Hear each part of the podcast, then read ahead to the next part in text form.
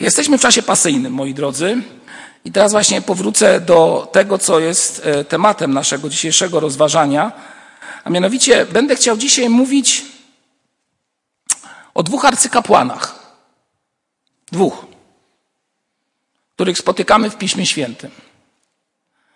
Już informacje o tych dwóch arcykapłanach usłyszeliśmy w czytanym tekście, o który prosiłem brata pastora Samuela, aby przed modlitwą przeczytał. Pamiętacie tą sytuację, która tam zaistniała? Sąd Jezusa Chrystusa. I w głównym obrazie, oprócz e, tej rady w pałacu arcykapłana, jest postać Pana Jezusa Chrystusa i postać arcykapłana. Moi drodzy, co robi ten człowiek, który jest w swoim domu, czyli w pałacu swoim, na skutek fałszywych oskarżeń, które zostały wypowiedziane wobec Pana Jezusa Chrystusa? Kto zapamięta z przeczytanego tekstu? Co tam się stało?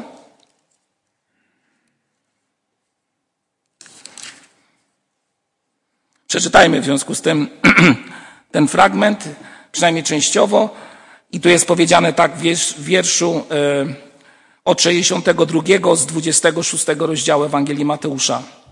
Wówczas powstał arcykapłan i rzekł do niego: Nic nie odpowiadasz na to, co ci świadczą przeciwko tobie? Ale Jezus milczał. Wtedy arcykapłan rzekł do niego: Zaklinam na Boga żywego, abyś nam powiedział, czy ty jesteś Chrystus, syn Boga żywego? Pyta arcykapłan. Kogo pyta arcykapłan? Kogo pyta arcykapłan o te sprawy? Pana Jezusa Chrystusa. A kim jest Pan Jezus Chrystus? Pismo Święte bardzo wyraźnie o tym mówi i tutaj przeskoczę teraz na chwilę do fragmentu z listu do Hebrajczyków i tam znajdujemy e, w tym fragmencie z czwartego rozdziału takie słowa, czternasty wiersz. Mając wielkiego arcykapłana, który przeszedł przez niebiosa, Jezusa, Syna Bożego, trzymajmy się mocno wyznania. A więc kto stoi przed ziemskim arcykapłanem? Arcykapłan, który jest nazwany tutaj epitetem wielki, który przeszedł przez niebiosa, który jest Synem Bożym i który został oskarżony o co przez arcykapłana. Przeczytajmy ten fragment. Zaklinam Cię na Boga żywego, abyś nam powiedział, czy Ty jesteś Chrystus, Syn Boga żywego? Rzecze mu Jezus, Tyś powiedział. Nadto powiadam, odtąd ujrzycie Syna Człowieczego siedzącego na prawicy mocy Bożej i przychodzącego na obłokach nieba. I wtedy czytamy w wierszu 65, ten ziemski arcykapłan rozdarł swe szaty i zawołał, że co Jezus zrobił? Zbluźnił. No, Bóg zbluźnił. Kto wypowiada te słowa? Wypowiada te słowa ziemski arcykapłan. W jego rozumieniu Jezus Chrystus zbluźnił. Co się dzieje? Rozdziela szaty. No, z tymi rozdzieranymi szatami to myślę, że Polacy szczególnie to mają do czynienia, tak? O co mi chodzi? Kto pamięta? To, co narysował, namalował właściwie Matejko, tak na marginesie, mając raptem 28 lat. Wyobraźcie sobie, człowiek, który ma, no ile on miał? 28 lat, z tego co ja pamiętam w Krakowie, maluje obraz, który jest, no, chyba wszystkim bardzo dobrze znany. Bardzo dobrze. Chodzi o Rejtana. Chodzi o Rejtana, który to Rejtan, no można je powiedzieć, tym takim akcie desperacji, który jest związany e, z no, planem, planem zniewolenia Polski, tak? W 1773 roku na Zamku Warszawskim Sejm zatwierdził układ rozbiorowy, tak? Rosja, Prusy. To nie będziemy tam mówić za dużo o tym. Faktem jest, że kilku panów, pan Potocki, Pomiński, tu sobie zapisałem, Ksawery Branicki, ku przypomnieniu, nie zgadzają się z tym i wtedy Rejtan rozdziera swoje szaty i mówi, tutaj cytat, zabijcie mnie, ale nie zabijajcie ojczyzny mojej. To jest ten gest jego, jest właśnie wyrażony w tym obrazie, który myślę, że każdy w szkole e, z tym obrazem, kopią tego obrazu się spotkał. No i tutaj też widzimy coś takiego, że w tej akcie desperacji, można je powiedzieć, tylko że to jest taka desperacja innego rodzaju. Po przypadku Rejtana, no to chodzi o utratę, chociaż niektórzy uważali, że niczego nie tracą, że, że Polska całkiem dobrze się będzie miała, ale w tym wypadku tutaj arcykapłan, no ma, e, ma taki opis, jak czytamy właśnie o nim, że był to człowiek jakiś taki zazdrosny, obawiał się, że Jezus Chrystus może e, zająć jego pozycję na skutek cudów, które czyni i tak dalej, i tak dalej. I on robił wszystko, aby doprowadzić do tego, aby Jezusa skazać.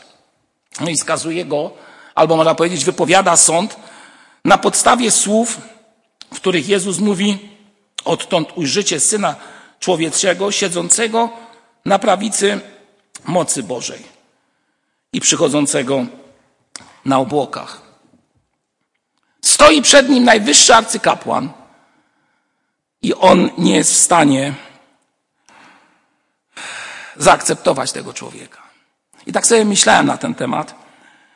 I wziąłem e, postać tego arcykapłana z dwóch stron. Po pierwsze, tego, co nauczono mnie w szkółce niedzielnej, że to był zły człowiek i chciał śmierci Pana Jezusa, a z drugiej strony, z perspektywy narodu żydowskiego, na którego to stolicy duchowej on stał. Bo on stał jako ten, który stał na stolicy duchowej, czyli odpowiadał za duchową stronę, ale nie tylko działalności Izraela.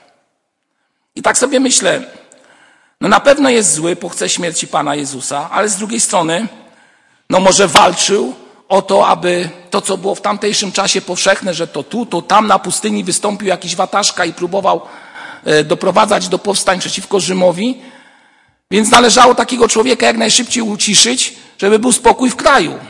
Nie chcę go bronić, ale tak sobie myślę, że może ten człowiek miał w swojej głowie, gdzieś tam z tyłu swojej głowy taką chęć, że lepiej uciszyć jednego, zresztą to o tym też było powiedziane na Sanhedrynie, że lepiej uciszyć jednego, aby inni mogli przeżyć.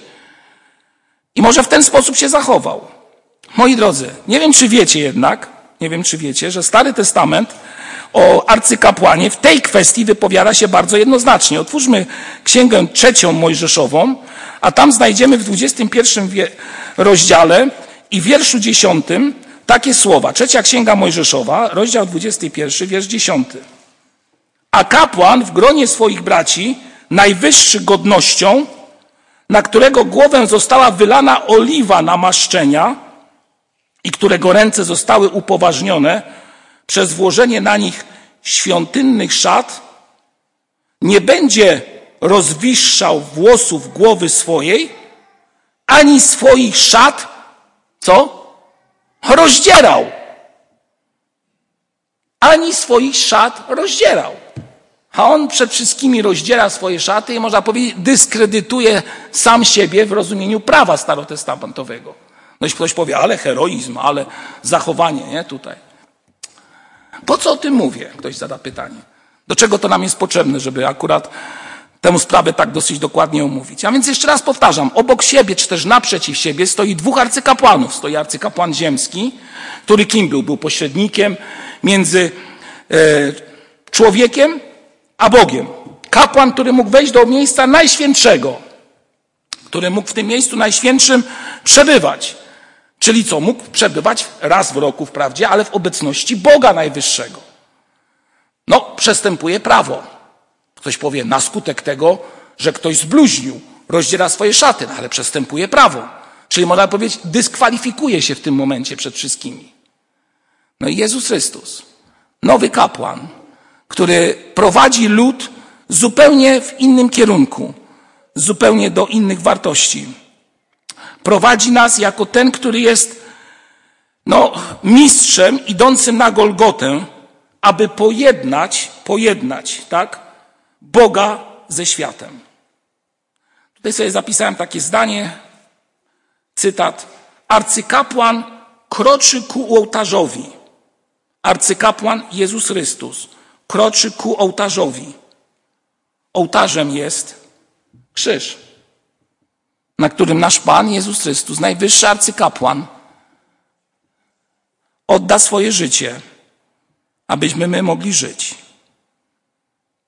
Moi drodzy, ofiara, którą złożył najwyższy arcykapłan, jest ofiarą, myślę, że przez dzisiejszy czas i świat ten ciężar gatunkowy tej ofiary, obawiam się, że czasami za bardzo spowszedniał, szczególnie w środowiskach ewangelikalnych.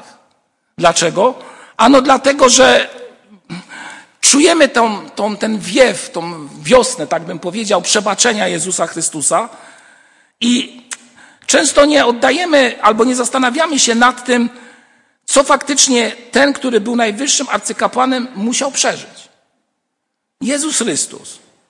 Jezus Chrystus staje w miejscu, w mieście, w którym to mieście było szczególne miejsce przebywania Boga, przebywania Boga w świątyni. Tak? I staje w tym mieście i zostaje oskarżony Syn Boży.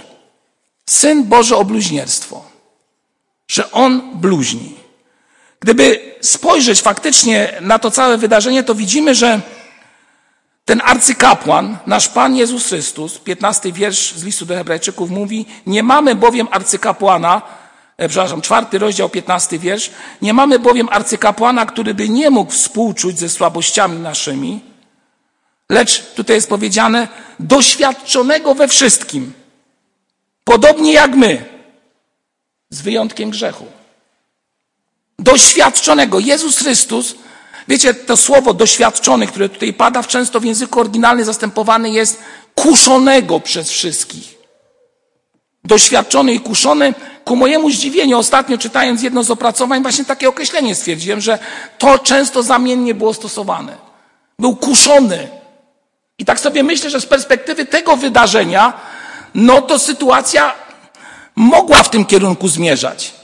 Bo jeżeli zaczęto w miejscu najświętszym, blisko miejsca najświętszego, tak powiem, pluć na Jezusa i oskarżać go o bluźnierstwo, no to e, mówiąc po naszemu, czyli po polsku, walnęlibyśmy w stół i powiedzielibyśmy, co jest grane.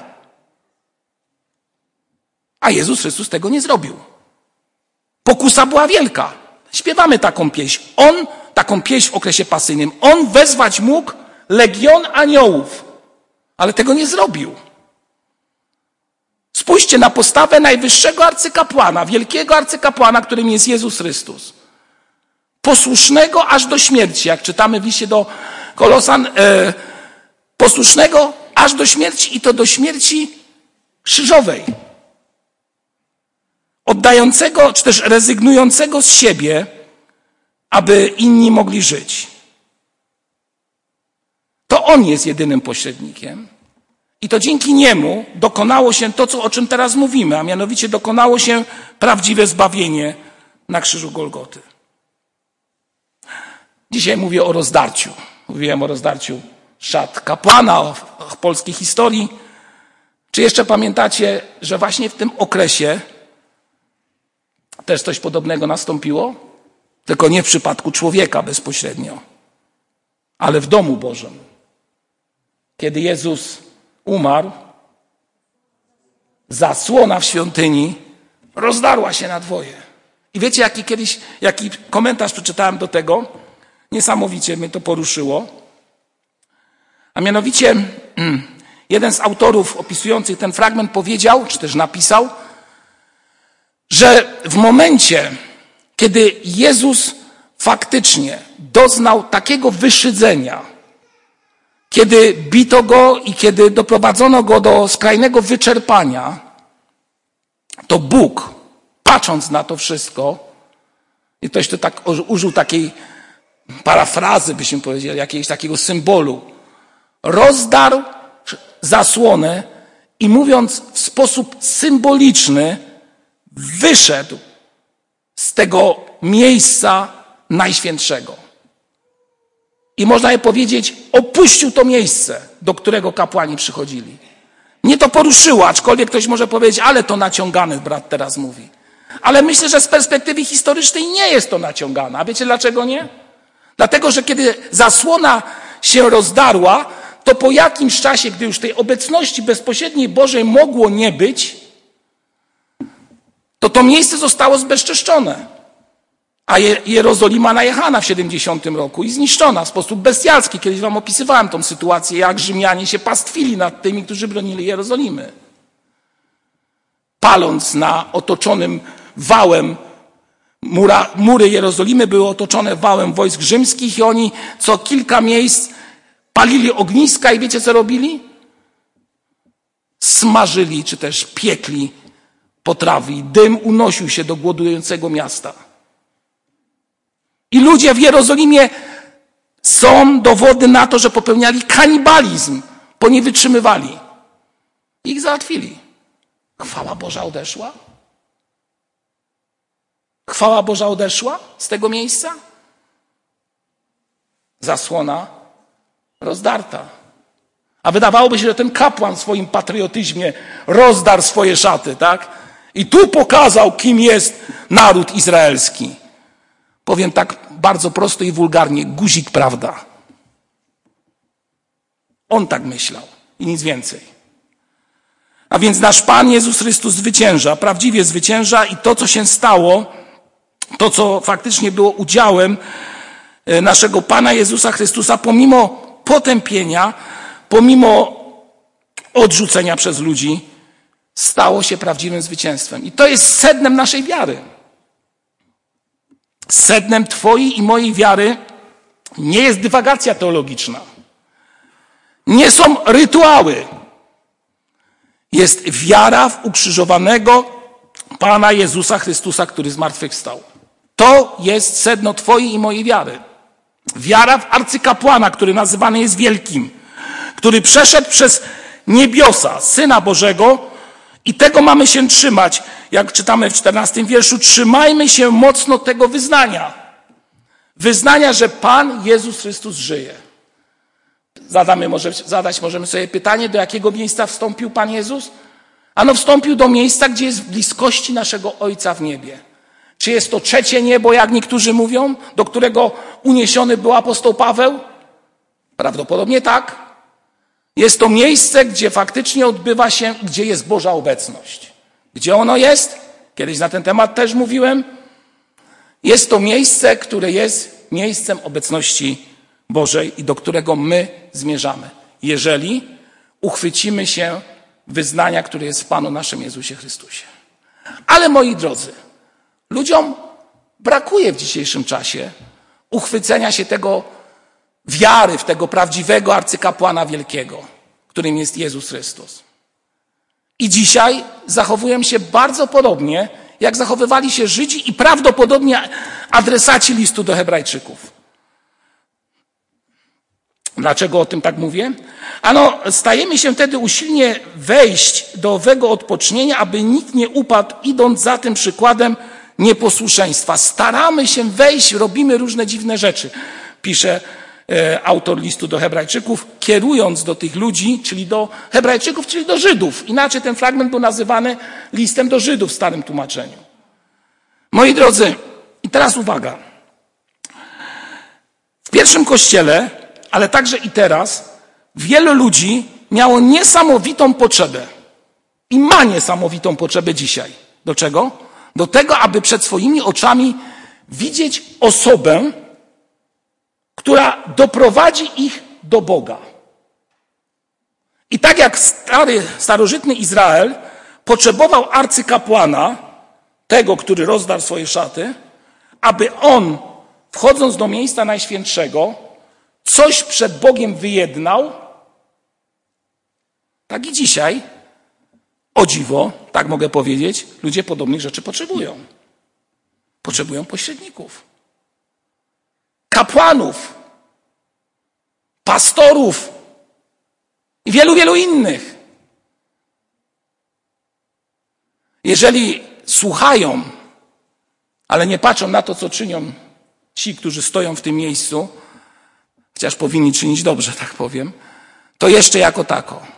Ale gdy im zawierzają na tyle, że gdy coś się kończy, a jest związane z ich życiem, albo idzie za ich życiem jakaś magia, no to to już jest źle, moi drodzy. To już naprawdę jest bardzo źle. Nie wiem, czy czytaliście kiedyś książkę Chłopi, akurat z bratem Samuelem, pastorem, na ostatnim spotkaniu, żeśmy przeanalizowali. Brat czytał jesień. Tak, a ja mówiłem o zimie, dobrze. A więc y, jest tam taki obraz w chłopach z zimy. Taki troszeczkę fantastyczny, byśmy powiedzieli, w którym laureat Nagrody Nobla opisuje to w ten sposób, że człowiek potrzebuje pomocy, bo ktoś umiera.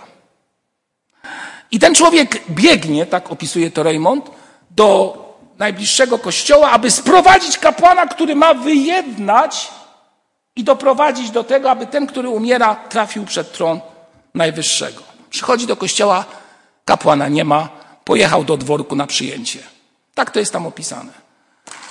I on taki zrozpaczony tym wszystkim staje przed obrazem, czy też klęczy przed obrazem w tym lokalnym kościółku i w tej wizji, w tym takim, takim malignie, w której jest na skutek tego, że ktoś umiera i on kogoś traci, ma wizję.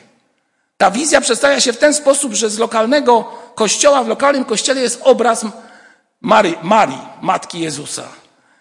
I nagle on zaczyna prowadzić z nią konwersację, tak to opisuje Raymond. I on mówi, że taka sytuacja, żeby ona pomogła, że i tak dalej, i tak dalej. A ona mówi, nie, nie mogę ci pomóc. Może ci pomóc tylko kapłan. Ale on mówi, kapłana nie ma. Trudno. Nie mogę ci pomóc.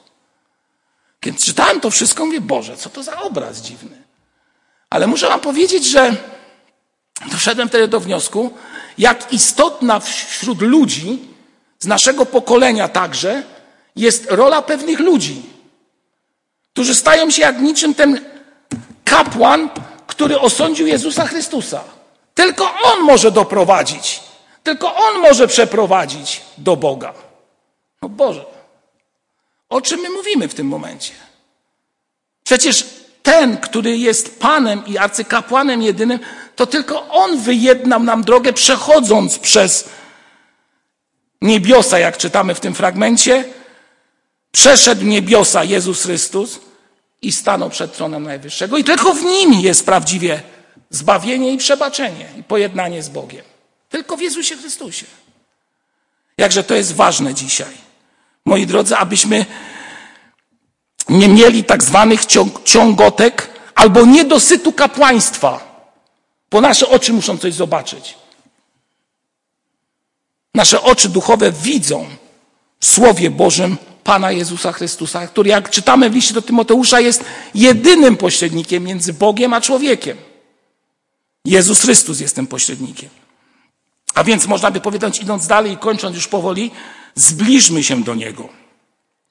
Nie mamy bowiem, mówi wiersz 15, arcykapłana, który by nie mógł współczuć ze słabościami naszymi, lecz doświadczonego we wszystkim, podobnie jak my, z wyjątkiem grzechu. I teraz ten szesnasty wiersz.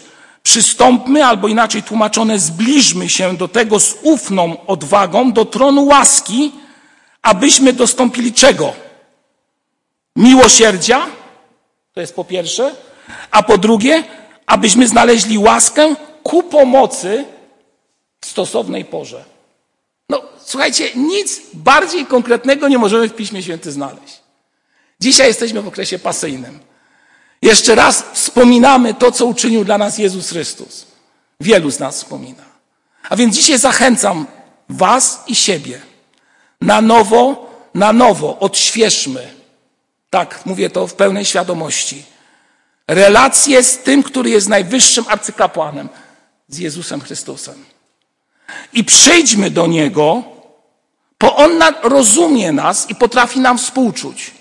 Był doświadczony, opluty, fałszywie oskarżony, wzbudzał emocje wśród ludzi, ale był posłuszny aż do śmierci i to do śmierci krzyżowej. Dlatego wzywam Was i siebie, trzymając się mocno wyznania, nie baptystycznego, ale wyznania w Pana Jezusa Chrystusa, trzymając się tego, jak mówi wiersz 14, zbliżmy się do Pana Jezusa. Podziękujmy Mu za to, że jest prawdziwie i jedynie jedynym pośrednikiem między nami a Bogiem. I tylko przez Niego możemy trafić przed tron najwyższy i nikt inny, żaden kapłan, żaden święty, nawet Matka Jezusa Ziemska, Jezusa Chrystusa, nie są w stanie nam wyjednać tego, abyśmy mogli stanąć przed Ojcem w niebie. Nikt tego nie może zrobić. Bo tylko Jezus Chrystus, prawdziwy arcykapłan, czyli pośrednik, jak rozumiał Stary Testament, lud żydowski, ma takie prawo i tylko w nim jest taka moc. Przeczytam ten fragment. Pierwszy list Pawła do Tymoteusza, drugi rozdział, piąty wiersz. Albowiem jest jeden Bóg, jeden też pośrednik między Bogiem a ludźmi, człowiek Chrystus Jezus. I nieprzypadkowo pada tutaj stwierdzenie człowiek Jezus Chrystus. On jest tym prawdziwym pośrednikiem. Naśladujmy go. Mam jeszcze jeden punkt, ale już go nie będę mówił, tylko zasygnalizuję. A mianowicie, kiedy był okres pasyjny, to wyobraźcie sobie, że w kościołach przygotowywano, to historycznie powiem, katechumenów do tego, aby przyjmowali chrzest. Tak, moi drodzy? Średniowiecze to chrzest ludzi dorosłych. Czy chcemy tego, czy nie chcemy tego? Oczywiście to było zamiennie, ale już wtedy coś takiego było. A więc w czasie średniowiecznym, e, kiedy przychodził okres pasyjny, ludzie byli przygotowywani jako katechumeni do tego, aby przyjąć chrzest. Aby naśladować Jezusa Chrystusa. Mówię to po to, abyśmy jako ci, którzy są Jego uczniami, uchwycili się, zbliżyli się do Niego i zrozumieli, że On, Jezus Chrystus, to nie jest postać niedostępna. Czasami, jak idziemy do jakiejś osoby, nawet duchownej, wysokiego stanowiska, to musimy się umówić. I to jeszcze nie jest regułą, że cię tam wpuszczą. Wcale to nie jest takie oczywiste. A kiedy idziesz przed tron Najwyższego, możesz przyjść o każdym czasie. Niesamowite. I tym różni się nasz arcykapłan, pośrednik między nami a Bogiem, Jezus Chrystus, że możemy przyjść do Niego o każdej porze. I możemy naśladować Go jako nowonarodzeni ludzie, czerpiąc z Jego nauki i mając świadomość, że On przeszedł doświadczenia, takie jak my przechodzimy. I mówiąc tak po, po prostu, bardzo prosto, rozumiecie. Michale rozumie Ciebie, rozumie brata Grzegorza, i tak dalej, i tak dalej. Każdego rozumie. Bo on przeszedł to, w czym my jesteśmy. Ale jest dostępny i chce nam pomóc. I tego się trzymajmy. Amen.